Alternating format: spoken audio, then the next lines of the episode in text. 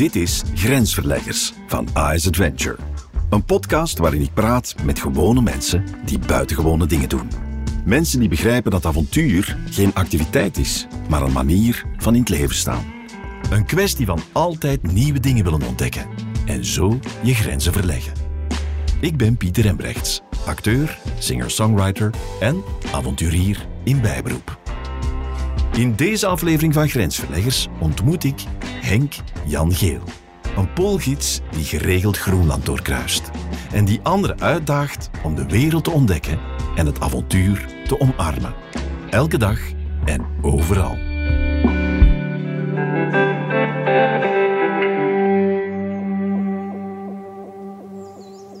Oh, zalig. Rust hier. Vogels in de verte. Wind door de bomen. Maar in de verste verte geen ziel te bespeuren. Ik wandel hier momenteel in de Ardennen, in het dal van de Oerte. Het is een verrukkelijke dag. Vorige week vroor het nog de stenen uit de grond, maar vandaag is het toch al de volle 5 graden. Ja, je zal nu misschien zeggen, echt warm is dat toch niet? Maar voor onze gast van vandaag is dat bijna subtropisch. De doorsneetemperatuur van de biotopen waar hij doorgaans vertoeft ligt tussen de min 20 en min 40 graden. Wat kan ik u verklappen? Het is geen pinguïn, maar wel een ijsbeer van een vent. Het is een man wiens enthousiasme bijzonder aanstekelijk werkt. En hij hangt aan een van de quotes als leef je leven als een ontdekkingstocht. Zoek je passie. Buiten is nooit ver weg. Jawel. Vandaag mag ik hier de man ontmoeten die televisiekijkend Vlaanderen recent heeft leren kennen in het programma Expeditie Groenland. Als de man met de pretogen. De man met de Nederlandse tongval. De grijzende baard. De stalen conditie. De brede glimlach. De vertrouwensschenker. En gulle gids in bange uren. Want inderdaad, hij weet met zijn enthousiasme mensen warm te maken voor ijskoude avonturen. Hij is poolgids en expeditieleider. En zijn naam is Henk Jan Geel. Nu, wij hebben hier afgesproken in de Ardennen op zijn verzoek. Maar de reden waarom, ja, die ga ik hem toch eens moeten vragen. Henk Jan! Ja! Hey! Hey! Wauw, wat een reus van een kerel ben je eigenlijk. Goed je te zien. Ja, is gelijk heerlijk jou te gast te hebben. Want een, ja, je bent natuurlijk een avonturier in hart en nieren. Ja, ja. Nu, ik zie je hier op de parking staan. Ik kijk naar links en hier staat Le Belvédère du Héroux. We Ja. bevinden ons in het dorpje Héroux. Eh, waarom wilde je graag hier in de Ardennen afspreken? Omdat ik dit een prachtige plek vind.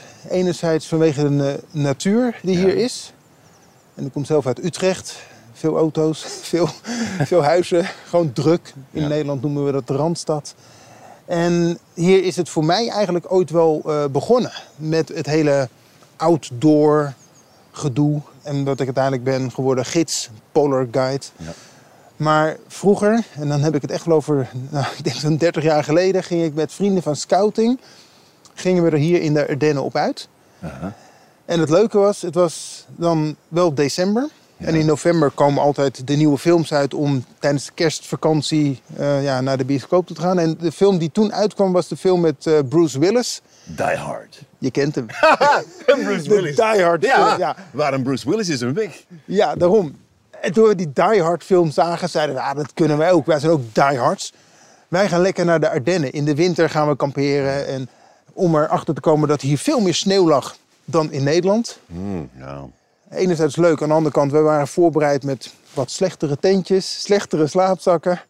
Dus we hebben de hele avond eh, in de kroeg gezeten. Het. Belgische bier is eh, fantastisch, Ja, nog steeds. ja. Nee, dus daar, daar is wel de, ja, het avontuurlijke in ons naar voren gekomen. Ja. En eh, op die manier heb ik wel echt de Ardennen leren kennen. En voor mij is dan de Ardennen echt erop uit. Mijn ouders hebben in de buurt van Auton hebben ze een vakantiehuis gehad. Oh. Dus daar kwam ik af en toe nog wel eens als kleine jongen. Ja, dus- Maar met de jongens van scouting ben ik echt wel op uitgetrokken en gingen we kamperen. En een doorsteek maken door de oerte. Wow, Om heerlijk. aan de andere kant erachter te komen dat er geen pad is. En dan maar zoeken waar we heen gaan. Dus je bent met die scoutsgroep ben je de Ardennen gaan verkennen. Is dat dan verder gegroeid in een, je eigen vriendengroep of is dat binnen de scouts gebleven? Ja, in eerste instantie binnen de scouts gebleven. Want we gingen de Die Hard weekend doen in de Ardennen. En het jaar daarna kwam Bruce Willis uit met Die Hard 2. dus dachten wij van nou, dan moeten wij dat ook wel overtreffende trap gaan doen. Dus zijn we naar de Vogezen gegaan. Oh, en dat is eh, nou, een stukje zuidelijker. En ze zeggen wel eens het Siberië van Europa. Ja. Toen was het eh, min 17. Ik weet nog dat een goede vriend van me die zei van ja, sorry, maar ik ga lekker in het hotel zitten. Dus die is ter plekke het hotel ingedoken. En het jaar daarna gingen we weer in de winter kamperen. En ik merkte dat eigenlijk ieder jaar gingen er minder vrienden gingen er mee. Dus die groep die, ja, dat werd minder en minder en minder. Maar mijn interesse voor die kou die werd meer, meer, meer. Dus terwijl je vrienden eigenlijk zich meer terugtrokken in de warmte, begon jij iets te ontdekken in die koude. Ja, ja, ja. Eh, op welke manier ben je dat verder gaan exploreren?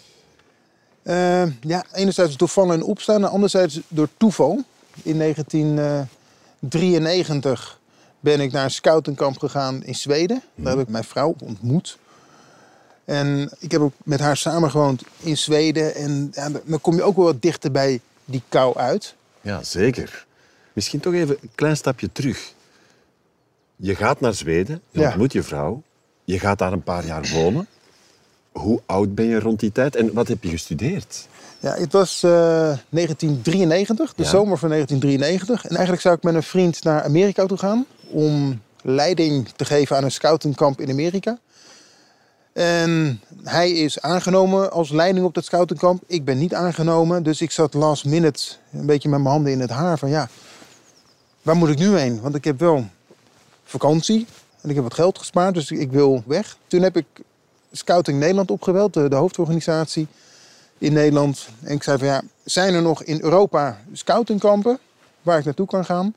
En eigenlijk het enige waar ik naar keek was, oké, wat kost het en hoeveel dagen duurt het? Oftewel, waar ben ik de meeste dagen voor het minste geld? Ja. En zo kwam ik uit bij een overlevingskamp in Zuid-Zweden. Wauw. Ja. Ik wist niet en- eens- ja. Waaruit bestonden de activiteiten? Dat Eh, nou ja, eh, heel anders dan de Nederlandse scouting. In Nederland was ik gewend dat je bij scouting, althans op mijn leeftijd, ik was toen 22. Ja, dan neem je toch echt wel een grote bungalowtent mee. Het liefst een koelkast en wat bier. En, eh, en het liefst een, een grote sofa Ja. op een aanhangwagen. En dan heb Ja. je een Nederlands scoutingkamp. Dat is in Zweden anders, kan ik je melden. Oké, Spartaans. Zeker. Toen ik daar aankwam, toen zag ik een aantal plastic zeiltjes gespannen. En ik zei tegen die mensen, ja, oké, dat is dan waarschijnlijk voor de afdeling overleving. Nee, zo slapen we allemaal. Oké. Dus ik heb een week lang onder een zeiltje geslapen. Toen vroeg ik, ja, waar is de koelkast? Toen zeiden ze, nou ja, we hebben een gat in de grond gegraven. En daar kunnen we al onze drank koel houden. Ik dacht, oké, prima. Nou, geef mij dan maar een biertje. En toen zeiden ze, ja, dit is Zweden. bier is duur. En op scouting drinken we geen bier. Dus het waren echt drie dingen die me ontzettend tegenvielen. Oké, ja. Maar eh, toen ik me daar overheen had gezet, dan had ik ja, uiteindelijk onwijs toffe tien dagen op dat scoutenkamp. We zijn wezen kanovaren door de natuur. En wat me daar opviel was dat je... In Zweden heb je het recht van iedereen. In Ja. Zweden noemen ze dat het allemansret. Prachtig. Dat betekent dat je mag gaan en staan waar je wil. Je mag overal je tent neerzetten. Ja, dat had ik nog nooit meegemaakt. Al helemaal in Nederland niet. Daar kunnen we toch met z'n allen veel van leren eigenlijk. Ja. Ja, wat ik van het overlevingskamp leuk vond, is dat ze met nog primitievere middelen dan dat we het in Nederland soms doen, onwijs gaaf scoutingkamp hadden. Wat het mij brengt, is ontzettend veel rust Ja. en ook ontzettend veel zelfverzekerdheid. En het laatste is als ik, nou ja, met de bende BV's, zoals je dat noemt, door Groenland heen trek. Ik weet dat alles wat ik op dit moment nodig heb, dat heb ik in mijn lichaam aan kennis en kunde. Of het ligt achter in mijn slee aan materialen. Ja. En meer heb ik niet nodig. En gewoon die ja, kennis dat ik met de spullen die ik bij me heb, dat ik daar heel comfortabel mee kan leven. Hmm. Ja, dat vind ik toch wel eh, geruststellend. Dus ook al valt alles weg in Nederland. Ik weet, nou oké, als ik dan in ieder geval nog een t-shirt en een broek en een trui over heb, dan red ik me wel weer. ja. Maar ook met een bepaalde mindset. Dat je niet echt afhankelijk hoeft te zijn van die spullen. Ja, ik kan me voorstellen dat dat iets is dat stelselmatig is gegroeid. Die liefde, die passie heeft het overgenomen. Hoe ben je... Hè, want ondertussen heb je een prachtige Arctic Adventures bedrijf. Ja. Dat ook heel erg mooie wandel- en trek- en exploratietochten aanbiedt. Kort en lang, winter en zomer. Het is echt een heel, heel mooie onderneming geworden. Je, je kan zo'n Maar- commercial voor me inspreken. eh, Ja, eigenlijk ben jij nu echt Ja. van beroep eh, avonturier, poolgids, eh, expeditieleider. Hoe is die evolutie gegaan van die passie hebben tot Ja. Ja. dit nu worden? Ja, dat is eigenlijk een verhaal van 30 jaar. Want het is niet iets waarbij ik denk, oké, en nu ben ik het of zo. Dat is rustig aan gegroeid. Onder andere met die avonturen in Zweden, maar zeker ook hier in de Ardennen. En ik had nog steeds wel die drang om de kou in te gaan en om de sneeuw in te gaan. Maar ik merkte wel dat elke tocht gingen er, wat ik je eerder al had gezegd, steeds minder en minder mensen mee. En uiteindelijk dacht ik, ja, wat moet ik doen? Moet ik mijn interesse en mijn passie aan de kant zetten omdat mijn vrienden om allerlei andere redenen niet meegaan? Nou, dat wou ik niet. Dus ik ben naar Noorwegen gegaan, naar een gebied dat heet de Hardanger Vida. Ik dacht, ja, dat gebied, dat wil ik doorkruisen. Dat is eh, 110 kilometer. Nou, ja, ongeveer 15 kilometer per dag. Wat kan me fout gaan? Ik denk dat ik er een week over ga doen. Ik zie op foto's dat mensen een slee achter hun aan hebben. Dus ik ben naar de speelgoedwinkel gegaan. Ik heb zo'n klein sleetje gekocht waar mijn zoontje op zit. Met twee van die remmetjes. Ik heb die remmetjes eraf gehaald. Maar ik ging dus met hele zware skischoenen, met verkeerde skis, met een verkeerd sleetje, ging ik die Wauw. Hardanger Vida in. Dus aan het eind van de eerste dag had ik 7 kilometer afgelegd. Eind van de tweede dag had ik 10 kilometer afgelegd. Oftewel in twee dagen liep ik één dag achter. En de derde dag, ik weet het nog supergoed. Het was ja, redelijk blauwe lucht, maar op een gegeven moment begint het een beetje te sneeuwen. Zoals het hier nu begint Ja, ja. te regenen. Een beetje, ja, ja. De wind steekt op, net zoals hier. En voordat ik het wist, begon het ook nog te misten. Want die wolken kwamen naar beneden toe. En binnen no time liep ik in een whiteout. En dat is eigenlijk ja, mist in de sneeuw. Overal waar je kijkt is het wit. Ik Ja. zag geen contrast meer. Ik Ja. zag de punten van mijn skis niet meer. Je ziet dus ook geen oppervlakte meer. Her en der dan viel ik, want er was een kleine oneffenheid in de grond. Ik dacht van oké, ik stop. Ik zet mijn tent op en ik zie morgen wel weer verder. Zo gezegd, zo gedaan. Ik maak wat avondeten klaar. En de volgende ochtend, ik rits mijn tent open en ik kijk naar buiten. Strak blauwe lucht. Ik denk van, ah, gelukkig. Dus ik eet mijn ontbijt. Ik stap mijn tent uit. En dan kijk ik over mijn schouder naar waar ik heen zou moeten gaan. En dan zie ik op 10 meter afstand een onwijze afgrond. Ja, toen kreeg ik een beetje hartkloppingen. Want ik had echt zoiets van, jeetje man, Henk Jan, als jij de dag hiervoor gewoon een halve minuut of een minuut langer had doorgelopen, ja. dan lag je daar zonder satelliettelefoon, zonder communicatiemiddelen, in je eentje, idioot. Ja, toen heb ik mijn spullen gepakt en ik ben rechtsomkeerd terug naar huis toe, naar het beginpunt toe gelopen. Ik heb die hele tocht eh, dat jaar niet meer afgemaakt. Nee, dat was wel een onwijze desillusie. Ja. Ja. Dus ik was best wel zagrijnig toen ik thuis kwam, kan ik je melden. Ja. ja. Maar Ja. goed, eh, behalve zagrijnig kan ik behoorlijk eh, eigenwijs zijn. ik wou die oversteek wel doen. ja. Dus ik heb een advertentie gezet op het internet. Gezet van jongens, ik ben Henk Jan, ik wil de Hardanger Vida oversteken. Wie heeft daar zin in? Nou, tot eh, mijn verbazing waren er mensen die zeiden, oh, dat lijkt ons ook wel leuk. Wauw. En dat was een groepje van acht Hollanders. Met hun om de tafel gezeten en het plan gemaakt om het jaar daarna het nog een keer te proberen. En dat jaar is het wel gelukt. Wauw. Dus dat vond ik onwijs tof. Ik dacht van oké, dus ik heb gewoon een groep mensen nodig. En dan lukt het wel. Ook al wil ik het in mijn eentje en dan gaat het niet altijd. Ja. Ja. Ja. Ja, Is wat je nu beschreven hebt de eerste Groenlandtocht geweest? Nee, Nee. Dit, dit was nog steeds eh Juist. Zuid-Noorwegen. Ja. Maar ik had wel in mijn hoofd, wat wil ik bereiken? En ik wou Groenland een keer oversteken. Dus dat team waarmee we uiteindelijk in Noorwegen die tocht hebben gedaan. We waren nog geen drie weken terug. Of ik heb ze allemaal een mailtje gestuurd met de mededeling. Jongens, ik wil volgend jaar wil ik Groenland oversteken. In welk jaar bevinden we ons dan?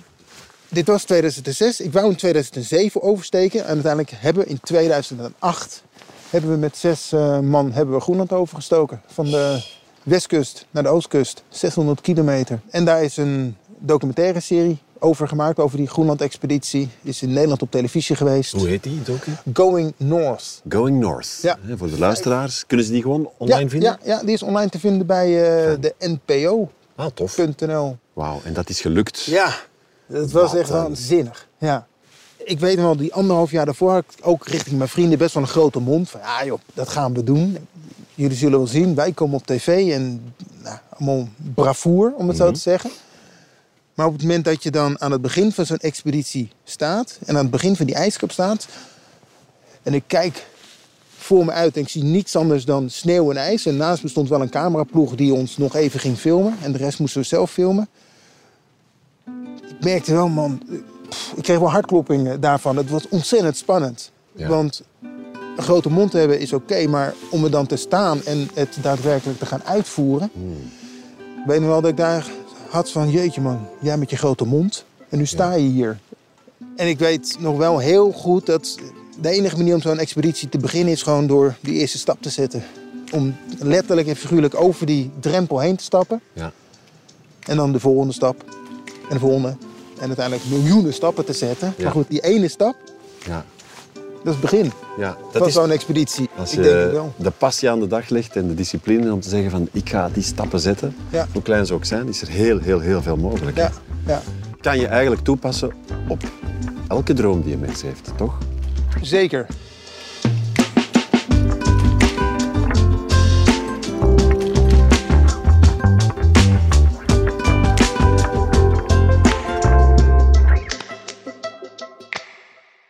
Henk Jan, die Ja. eerste Groenlandreis, dat was 2008. Klopt. Ja. Die is voor jou heel belangrijk geweest. ja, voor mij was dat een soort van life-changing moment. Toen ik terugkwam van die Groenlandreis, ik leefde als het ware in een soort sportershigh. Ik vond het zo waanzinnig gaaf dat we na twee jaar lang voorbereiden de expeditie volbracht hadden. We hebben een maand erover gedaan om die 600 kilometer te overbruggen. Er werd een vijfdelige serie voor televisie voorgemaakt. Ik ben op de radio geweest met interviews, in de krant. We hadden sponsors die ons ondersteunen met het hele project. Dus het was eigenlijk groter geworden dan dat ik ooit had kunnen voorstellen. Ja. En ik kwam terug in Nederland. Ik dacht van ja, als ik dit kan, dan kan ik de hele wereld aan. Ja. En ik wou heel lang zelfstandig ondernemer worden. Dus ik heb geloof ik eh, twee weken nadat ik eh, terugkwam... eh, mijn ontslagbrief ingeleverd bij mijn werkgever. Ja. Maar ik heb toen eh, de eerste vier jaar een filmproductiebedrijf gehad. Dus eigenlijk met de mensen die ons gevolgd hadden op de expeditie. Met hun hebben we avonturendocumentaires gemaakt. Maar elke keer als ik op een netwerkbijeenkomst kwam... Ja, het maakt niet uit wat voor bedrijf ik had of welke werkzaamheden ik deed. Er werd altijd op mijn schouder geklopt.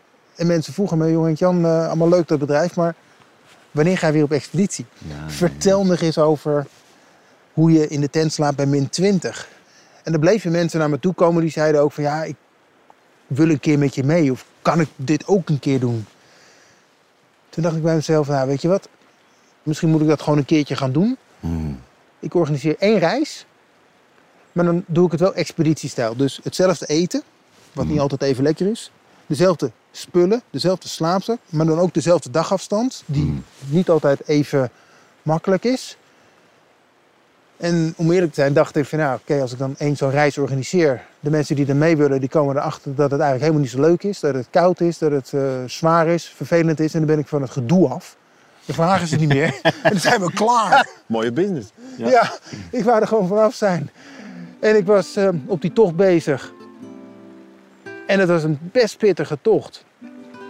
En opeens komt er iemand naar me toe en die zegt... Johan Jan, weet je wat? Ik ben in Nederland ben ik directeur van een of ander bedrijf.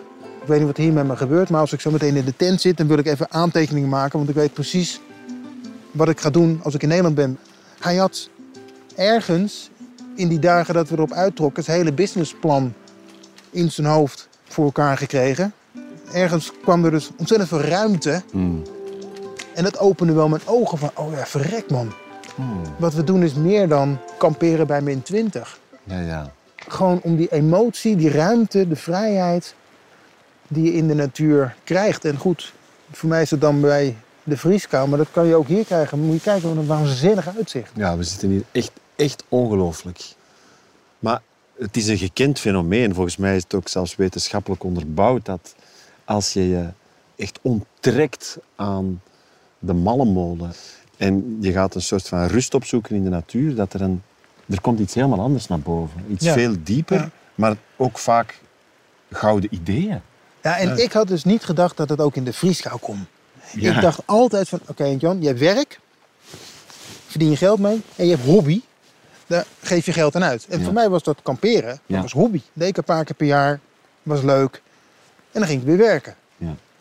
Maar goed, dan gingen dus mensen met me mee met mijn hobby. Ja.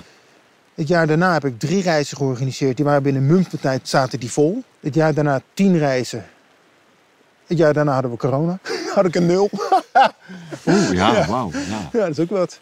ja, want nu zijn het, ik zag op je site, het, het zijn gigantisch veel Ja. reizen. Maar ik kan me voorstellen dat je nu ook een ploeg hebt met ook andere expeditieleiders. Ja, ja ik eh, werk in totaal met een team van eh, acht gidsen. Met mezelf erbij nummer negen.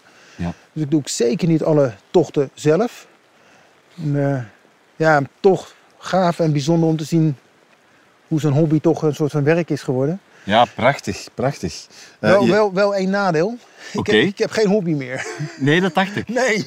dus eh, als je nog een hobby in de aanbieding Ja. hebt, Ja. ik ben hard op zoek naar een nieuwe hobby. Ja. Nee, dit is leuk. Om hier continu mee bezig te zijn. En met jou op een prachtige rotspunt over te mogen praten. Ja, dat is toch wel goud, absoluut. De Expeditie Groenland. Ja. Joris Hessels, Pommelien Thijs, Ginny Beels, Sven Marie, Victor, Victor Tine, Verhulst, Lin van Rooyen, niet van te vergeten. Oh, de mooie gazelle Lin. Ja, ja. Zeg, hoe heb je die mensen mentaal en fysiek voorbereid? Want jij hebt jaren toegewerkt naar die reizen. Ja. En plots krijg je dan een clubje BV's. Ja. Hele leuke, lieve mensen.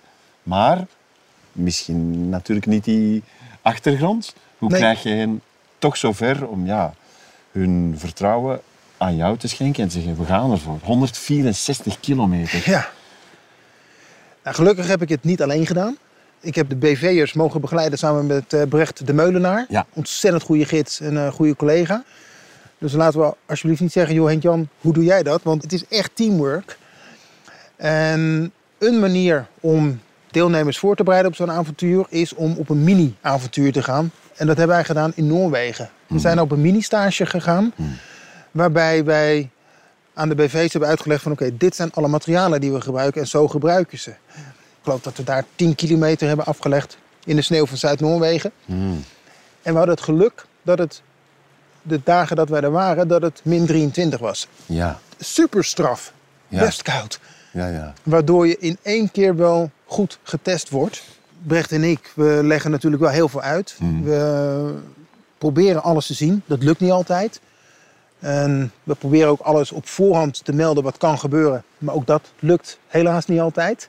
Maar we zijn er wel om uitleg te geven. Want uiteindelijk moet iedereen zichzelf warm kunnen houden. Iedereen moet zelf kunnen gaan genieten van dat avontuur. Kijk, ze gaan niet mee om ons een plezier te doen. Mhm. Uiteindelijk doe je mee aan zoiets om jezelf een plezier te doen. Of Ja. daar toch iets uit te halen. ja. Nou, ja, soms een beetje afzien. Maar Ja. het liefst heb ik dat je echt gaat genieten. En dat het afzien, ja, dat dat eigenlijk niet meer bestaat. ja. Ja. Dat dat op afzienbare tijd verdwijnt. Zeker. ja. Ja. Maar het is ook wel een mentaal dingetje. Want je, ja, ik weet niet of je als leek kunt voorbereiden op een poolexpeditie. Ik krijg veel mensen aan de telefoon die zeggen: Johan Jan, ik wil mee met een avontuur. En dan komen er allemaal bezwaren van ja, ik kan niet tegen de kou. Of hoe moet je s'nachts naar het toilet? Of met hoeveel mensen slapen we in de tent? En ik zeg altijd tegen die mensen: joh, weet je wat nou het allerspannendste is van die hele expeditie? Enig idee? Ja, zeggen. Ja, dat is het. Ja, Op dit moment besluit om mee te gaan. ja, ja natuurlijk. Weer dat kleine stapje wat ik deed op Groenland, die Ja. drempel over. Ja. Om tegen mij te zeggen, Henk-Jan, weet je wat? Ik ga het doen. Aha. En dan komen er nog steeds het plassen en het slapen in de tent en al die andere dingetjes. Maar dan heb je besloten om mee te gaan. En heb je dus ook besloten om van al je bezwaren, om daar oplossingen voor te vinden. Of mij te vragen om een oplossing daarvoor te geven. Maar ik merk dat zoveel mensen toch wel zoiets hebben van... joh, ik vind een stoer vrouw bij het koffiezetapparaat als ik eh, later terug ben op mijn werk. Maar ik durf gewoon niet die stap te zetten. Mhm. Maar dat is het, ja. Het is zo simpel. Ja, tuurlijk. Maar jij moet het besluiten. Ik ga het niet voor mensen besluiten. Ja. Kan je eens voor de luisteraars zo'n dag overlopen? Hoe gaat zo'n dag eraan toe? Ik zou je eh, de, de ideale dag dan eh, proberen te beschrijven. Want in het begin is het altijd een beetje zoeken en klooien. Maar idealiter sta je om een uur of zeven op. En dan pak je je ontbijtbeker waar je de avond van tevoren al je ontbijtmix in hebt gedaan, maar nog geen water erbij hebt gedaan. En daar doe je warm water bij vanuit je thermosfles. Je draait het deksel op je ontbijtbeker, een paar keer goed schudden en je zet het eventjes neer om te laten wellen. Nou, in die tijd dat het welt, kun je jezelf gaan aankleden. Je doet een lange onderbroek aan, een lang hemd aan, een trui eroverheen aan, je sokken doe je aan. Ik doe dat vaak in mijn slaapzak en dat is redelijk onhandig. Maar daar ben ik 10 minuten mee bezig. In die 10 minuten is mijn ontbijt klaar. En dan kan ik nog steeds vanuit mijn slaapzak mijn ontbijt eten. Dus als ik op expeditie ben, heb ik één voordeel. Ik heb elke dag ontbijt op bed. Ja, ja, ja. Je houdt de warmte vast. Je houdt de, ja, je houdt de warmte goed bij je. Je wil niet gaan zweten. Op het moment dat je stilstaat, wordt dat zweet wordt ontzettend koud. Trekt alle warmte uit je lichaam. En dan raak je onderkoeld. Vandaar Dat heb ik de... regelmatig gezegd. When you're wet, you're Ja. dead. Je wil niet nat worden in de sneeuw. Nee. Heb je dan ook een spectaculair nadeel als je nu bijvoorbeeld gewoon van nature heel erg veel zweet? Eh, nou ja, het grote voordeel is, je hoeft niet zoveel kleding mee te nemen. Dat is ook waar. Ja, ik zeg altijd maar, je moet muts afdoen, handschoenen uitdoen, rits van je jas open, eventueel een trui uit. En op het moment dat je het koude krijgt, rits dicht, muts op, Ja. handschoenen aan. Dus het is de hele tijd spelen met je kleding Ja. om Ja. warm te blijven in de kou. Een kleine bedenking nu al. Ik probeer het mij mentaal voor te stellen. Hè. Dus ik zit in zo'n tent, ik probeer door al die stappen te gaan. Je ligt met twee in een tent. Ja, ja. En er het is is water mee gemoeid. en mijn gids heeft gezegd, when you're wet, you're dead. Ja. Dus, hoe ga ik met dat water om in die tent? Heel voorzichtig. Toch? Ja, super voorzichtig. Die ontbijtbeker, ik klem hem altijd een beetje of tussen mijn knieën of ik zet hem echt heel stevig op de grond neer. Het is ook een wat bredere beker die niet snel omvalt. Maar ja, when you're wet, you're dead. Dus je probeert echt eh, zonder morsen in te schenken. En als ik dan mijn ontbijt op heb gegeten, dan ruim ik eigenlijk de binnenkant van mijn tent op. Ik leg mijn communicatiemiddelen weer in mijn tas. En mijn slaapzak heb ik in een Arctic bedding liggen. Dat is eigenlijk een hele grote zak. Ik kan het ook heel oneerbiedig zeggen, het is een soort van bodybag. Mijn tentmaat doet dat ook en is de binnentent leeg. Ja. Klaar. En als je je tent opruimt, wil je zorgen dat er zo snel mogelijk sneeuw van die tent af is. Want als het overdag wat warmer wordt, de zon staat bijvoorbeeld op die tentzak, dan kan het gaan smelten. S'avonds bevriest dat weer en heb je een aan elkaar gevroren tent. Dus het is altijd een kwestie van je moet naar voren blijven denken. Van wat kan er gaan gebeuren? En daar moet je op eh, anticiperen. Maar wat ook nog belangrijk is, is dat we sneeuw smelten om water te krijgen. Omdat ik voordat ik vertrek, wil ik twee volle thermosflessen met kokend water hebben. Want dat is het water wat je overdag nodig hebt. En je wil niet overdag heel lang pauzeren. Het is koud, dus je wil korte pauzes houden. En dan heb je meteen warm water nodig. Dus voordat we vertrekken, 2 liter water. Dat is ongeveer 10 liter sneeuw wat je moet smelten. En met het hele ritueel, van opstaan tot en met dat de slee is ingepakt, duurt ongeveer twee uur. Oké. Dus daar ben je echt wel even mee bezig. En dan is het 1 uur wandelen, 10 minuten pauze. 1 uur wandelen, 10 minuten pauze. Dus in die cadans zit de hele dag opgedeeld. En de reden daarvoor is eigenlijk dat er zullen momenten zijn tijdens zo'n tocht dat je gewoon denkt van, oh man, wanneer stoppen, we, wanneer stoppen we? En dan is het fijn om op je horloge te kunnen kijken en te kijken, oké, over 12 minuten stoppen we. Hmm. Want dan kun je er naartoe rekenen. En als we een afspraak maken van ja, we stoppen wanneer we moe zijn. Er is altijd wel iemand moe in die groep. Ja. En dan stop je dus wanneer er iemand zin heeft. En dan maak je dus geen voortgang. Hmm. En het voordeel van ja, die 10 minuten pauze is dat is net lang genoeg om te eten en te drinken. En misschien even je veters te strikken of een jas aan te trekken. Maar het is net te kort om echt af te koelen. Dus tegen de tijd dat je lichaam denkt van nou ja, nu wordt het fris. Weer Dan begin je weer. Ja. Tot ja, uur of 4, 5 houden we dit schema aan. En dan gaan we 2,5 kilometer per uur tijdens die uren dat we lopen. Nou, je doet ongeveer 6, 7 uurtjes lopen. Dus pak een beet 15, 17 kilometer leg je af op een dag. Met een slee achter je Met een slee achter je aan. Nou, het gaat 40, niet- 50 kilo. Ja. Ja, afhankelijk van hoe lang je weggaat. Mm, Ik heb eh, ja. in augustus Groenland overgestoken. Dan hadden we 80 kilo per persoon bij Nou. ons op dag 1 van de expeditie. Op dag 30 hebben we, ik denk, eh 45 kilo aan eten opgegeten en brandstof verbrand. Dus die 80 kilo is naar 35 kilo gegaan. Waardoor onze dagafstanden ook alweer een stuk omhoog gingen. Ja. Maar ja, je wil niet zweten, dus je blijft langzaam eh, Ja. lopen. En dan is het ja, vier uur, vijf uur 's middags. En dan begint het avondritueel. Want dat is tent opzetten. Je wil eigenlijk zo snel mogelijk die tent hebben staan. Want dan kun je gewoon uit de elementen beschut binnen zitten. Je zet de tent op. Je water is waarschijnlijk op. Want dat heb je gedurende de dag in de pauzes opgedronken. Dus je moet sneeuw smelten. Voordat je water gaat krijgen voor het avondeten. Hmm. En s'avonds is het weer 2 liter in de thermosflessen. Je hebt wat water nodig voor een kopje koffie, een kopje soep, een kop thee. Je hebt water nodig voor je avondeten. Ah, ja. Dus s'avonds zijn we vaak zo'n eh ja, 2,5, 3 uur bezig met sneeuwsmelten. Wauw. Continu sneeuwsmelten. Wordt, wassen mensen zich? Want dat is natuurlijk ook water. Ja, of, of Het, het is, ja, je Ja, wordt vochtige gelukkig- doekjes kan je niet meenemen. Ja, wel, die kun je toch? meenemen. Maar als je ze meeneemt, zorg er dan voor dat je een klein pakje hebt met 15 of 10 van die vochtige doekjes erin. Ik neem ze mee en dan bewaar ik ze in mijn broekzak. Ah, ja. Want daar blijven ze nooit. Als je ze in je slee legt, heb je gewoon een, een baksteen. Kun je Mhm. niks mee. Nee, nee. Dus bewaar een dun pakje vochtige doekjes in je broekzak. Dat is zeker handig als je een grote boodschap hebt gedaan om het helemaal proper te krijgen. Ja. Ehm, toiletpapier wel weer meenemen in een apart toiletzakje. Dat Ja. je het niet in de natuur ja, want alle, alle grote en kleine boodschappen, alles wordt weer meegenomen. Ja. Ja, op de expeditie met de BV's hebben we de kleine boodschap laten liggen. Maar de Ja. grote boodschap hebben we ook meegenomen. In een speciale, wij noemden dat de kakemmer of de kakpot. Ja. Eh, ja, je wilt schoon achterlaten Ja. voor de mensen die naar je komen. En het eh, wordt steeds belangrijker, vind ik. Ja. Ik vermoed ook dat je je gevoeg doet ja, niet echt heel ver weg van de tent. Dus je ziet elkaar ook wel eh, letterlijk en figuurlijk. Je, je ziet Ja. iemand zitten. Ja, je ziet iemand zitten. Ja. En des te langer de expeditie, des te dichterbij komen mensen voor hun Ja, ja, ja. toilet. Dat is ook een merk deel van op reis gaan. Hè. Dus toegang is toch altijd een belangrijk onderwerp. Ja, ja zeker, zeker. Iedereen moet het doen, man of vrouwen, geen onderscheid. En het, het moet gedaan worden. En op, ja, als ik Groenland oversteek, dat is een expeditie van 30 dagen. Ja, de schaamte is redelijk snel voorbij. Ja.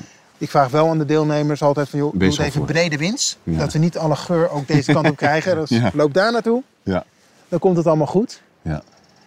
En om het kamp helemaal af te maken, ja, op normale expedities om uur of 8, 9 gaat letterlijk en figuurlijk het licht wel uit. ja, je bent kapot Want de toch? zon is onder, het wordt koud. Je hebt eh, weinig buiten meer te zoeken, behalve het noorderlicht. Als je Oh, in meen Noord... ja, ja, Oh, ja, zo mooi. ja, als je dat gezien hebt, dan wil je eigenlijk eh, terug. ja. Ja. Ja. Ik kan me voorstellen dat bij zo'n expeditie, en dan al helemaal als het voor televisie is met cameraploegen erop, dat er heel veel verantwoordelijkheid en verantwoordelijkheidszin bij jou terechtkomt. Is dat een extra stressfactor? ja, zeker. Er staan natuurlijk een duizend of misschien een miljoen paar extra ogen op je gericht. Van Ja. mensen met kennis en mensen zonder kennis. Maar zeker mensen met een mening. Mhm. Die het televisieprogramma zien en daar een mening over hebben. En, nou, dat mag. Maar ja, ik, en ook Brecht en ook de rest van de organisatie is zich wel terdege bewust van waar we mee bezig zijn. Ik denk dat we een jaar bezig zijn geweest met de voorbereidingen. Heel Ja. veel op papier, heel veel scenario's uitdenken van oké, wat als dit gebeurt, wat doen we dan? Maar ja, ik ben wel bewust van eh, Ja. het feit dat we mensen middels de televisie meenemen naar Groenland. Ja. En dat ze gewoon ons, voor onze schouder meekijken. Ja, ja zeker, zeker. Zijn Wat er ook dingen... leuk is, hè? Ja, natuurlijk. Wat superleuk is.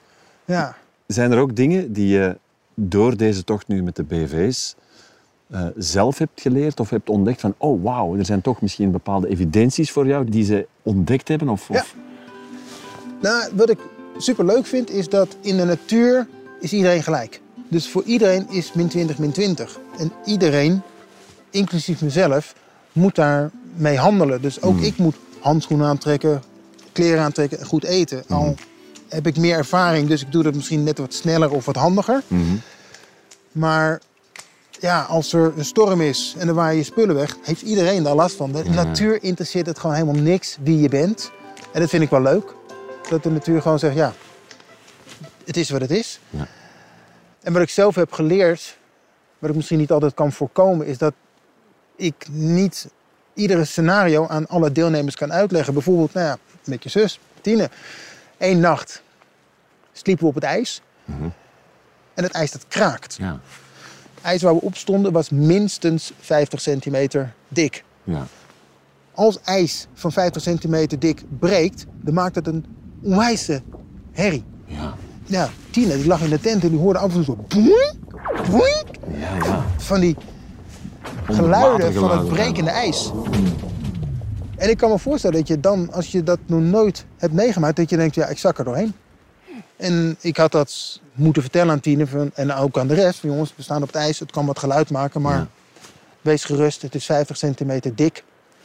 Ja, we hebben echt wel eh, de veiligheid in acht genomen. Maar ja, de natuur die maakt geluid. Ja, ja. ja. Absoluut, absoluut. Heb je het ooit op een andere expeditie al meegemaakt dat iemand effectief door het ijs zakt? Eén keer. Ja, en daar ben ik niet trots op. Zeker niet. Het is eh één keer geweest, hadden we een, eh, een tocht in Noord-Zweden. En het was een tocht die we hadden uitgezet over een bevroren rivier. Op een gegeven moment zaten we op een gebied en we merkten dat het ijs een beetje begon te bewegen. Er kwam een soort cadans in het ijs op het moment dat we de skis naar voren zetten. Toen zei ik, dit wordt onbetrouwbaar. Laten we zo snel mogelijk naar de kant gaan en dan gaan we gewoon op de kant verder. Mm. En tien meter later zie ik over mijn linker schouder Paul door het ijs heen zakken. En hem langzaam naar beneden zakken. En die lag tot zijn schouders in het ijskoude water. Dus ik kop op mijn slee af. Ik ga heel snel naar Paul. Uiteindelijk ben ik op mijn buik naar hem toegeschoven om zo groot mogelijk oppervlak op het ijs te krijgen. Want als ik er zelf Mhm, ook doorheen ja, zou zakken, ja, dat is ook niet tof. Maar ik wil wel natuurlijk, of ik wil niet, ik moet hem helpen om eruit te komen. Dus ik heb mijn skistok naar hem toe bewogen. En het lukt ons om eh, ja, Paul eruit te krijgen. Ik met mijn skistok reikend naar Paul en Paul op zijn buik, schuifend over dat ijs, glibberend. En eh, Karin, een van de andere gidsen die mee was, die heeft Paul naar de kant toe eh, gebracht. Paul uitkleden, al zijn kleding was nat, warme kleding aangetrokken. En na een uur konden we ons pad weer vervolgen met een Paul die opgewarmd was. En toen zei hij tegen mij van, joh, Jan, stom op te zeggen, maar ik had het niet willen missen. Dit was mijn beste verjaardagscadeau ever. Het was zijn verjaardag. Oh lord. Wauw. Maar ik wil nooit meer zo'n verjaardagscadeau aan iemand geven. Dit is vreselijk. Nee, nee, nee. nee, nee. Eh, jullie hebben de tocht in Groenland mm, op televisie ja, met succes afgelegd. Wat is de deelnemers het meest bijgebleven? Wat is de deelnemers het meest bijgebleven? Ja, dat zou je aan de deelnemers Ja, ja, dat is waar. Nee, maar ik kan, ik kan me voorstellen dat ze wel Nee. eh, hun ervaringen met jou gedeeld hebben Ja, achteraf. Tuurlijk. Ik weet... Nou, Pommelien bijvoorbeeld. Eh, ik zeg het uit mijn hoofd. Ik geloof dat ze 23 is. Maar die heeft een ontzettend druk leven. Als actrice, als zangeres. Maar ook met sociale media, met Instagram. En ze krijgt heel veel berichten. Dus die had nog nooit eigenlijk haar telefoon uitgezet. Dat hoef je op Groenland niet te doen. Want de natuur doet het voor je. Op een gegeven moment loop je met je skis. En dan ga je de hoek om. En dan heb je gewoon geen dekking meer met de mobiele telefoonzendmast. Dus dan heb je ook geen sociale media meer. En Dus dat leven is weg. En ik weet wel dat ze dat een soort van verademing vond. Mhm. Omdat je dat hier in België kun je dat eigenlijk ja, sociaal gezien niet maken. Mhm. Om uit de verbinding te zijn. Terwijl daar, je bent gewoon uit de verbinding. En ik weet wel dat ze dat gewaardeerd heeft. En als ik kijk naar Lin, die heeft het daar niet altijd even makkelijk gehad. En die slee, die was twee kilo zwaarder dan Lin zelf. Mhm. Ik denk wel dat die boven zichzelf is uitgestegen. Dat zij zo heeft van, jeetje man, ik kan gewoon veel meer fysiek dan ik voor mogelijk had gehouden. Dat vind ik altijd wel gaaf, dat mensen meer kunnen dan dat ze aan het begin denken dat ze kunnen. En wat ik tof vind, en nou ja, toch refereert aan je zus, aan Tine. In het begin is iedereen bezig met hoe blijf ik warm? Hoe kom ik in hemelsnaam de dag door? Ik wil weer zo snel mogelijk, het liefst in een hotel, maar in ieder geval in een warme slaapzak. Dit is pure ellende. Ja. Dag 1. Dag 2 denk je dat misschien nog steeds, maar je merkt dat je jezelf beter kunt aankleden. Dus dat je wat meer kunt, ja, overweg kunt gaan met die kou. Hmm. En ik weet nog een gesprek wat ik had met Tine. En op een gegeven moment zei ze, ik denk dat het dag vier of vijf was of zo. Ik jammer, dit zit hier mooi omheen. En dat vond ik zo ja, kippenvel als ik aan die opmerking denk. Want ik zei tegen Tine van ja, en het toffe is, waar je nu bent, die omgeving is exact hetzelfde als gisteren, als eergisteren en als de dag daarvoor. Dus die omgeving, die is niet veranderd. Maar jij bent veranderd. En dat vind ik het mooie van in de natuur zijn. En helemaal in extreme omstandigheden. Het verandert je als mens. Dus ja, dat gun ik iedereen. Heerlijk. Wat mag ik jou en jouw toekomst eh, toewensen? Ik eh, zou het mooi vinden om met nog meer mensen de natuur in te gaan. En Ja. dan nog meer mensen ja, te laten overnachten. Of in de Ardennen, of op Groenland, of in, in, in Zweden. Ja. Is je vrouw en je zoon al eens mee geweest? Ja, Oké. ja, ook. En waarschijnlijk gaan we deze zomer met z'n drieën naar Groenland toe. Naar Zuid-Groenland. Voor een trekking in de zomer. Oh. En dan zal het wat eh, minder koud zijn. Ik denk mm, 15 tot 20 graden. Maar die zijn zeker een keer mee geweest, ja. En ik wil mijn zoon nog een keertje meenemen om Groenland over te steken. Hij zegt nu nog dat hij er zin in heeft. Maar als hij een echte puber is, weet ik niet of hij er nog steeds zin in heeft. Ja, ja, ja. Maar eh, dat lijkt me echt eh, de max. Ja. Ja, lijkt me prachtig. En je bent een man vol eh, passie en zin voor avontuur. En je hebt ook vandaag nog maar eens bewezen dat avontuur ook heel dichtbij kan. Zeker. En dat iedereen in staat is, al is het stapje voor stapje, om je grenzen te verleggen. Eh, merci voor het gesprek. Graag gedaan. Ik ben eigenlijk weer een beetje terug bij waar het begon. Dat is Ja, wel mooi. inderdaad. Dat is wel mooi. Ja, De Ardennen. Terug naar de bron. zeker. Kom, we gaan nog een stukje lopen. Met veel plezier. Dit was de dertiende aflevering van Grensverleggers. Vond je deze podcast leuk of interessant? Abonneer je dan via je favoriete podcastspeler, om zo geen enkele aflevering te missen. Voel je vrij om Grensverleggers ook te delen of een review te schrijven. Zo zorg je ervoor dat ook anderen de weg er naartoe vinden. Verder luisteren kan ook in Talk More, Explore More van Ice Adventure, waar Henk Jan zijn favoriete outdoor materiaal deelt en verklapt hoe ook jij een avontuurlijke expeditie kan overleven. Verder lezen kan op www.iceadventure.com schuine grensverleggers. Daar vind je ook extra links en inspiratie voor een avontuurlijk leven. Net als in het AS-magazine en op de sociale mediakanalen. Oh, en eh, ben je zelf een grensverlegger? Of ken je er een van wie het verhaal graag in deze podcast zou horen? Laat het ons dan weten via podcast.asadventure.com. Bedankt voor het luisteren en tot een volgende aflevering.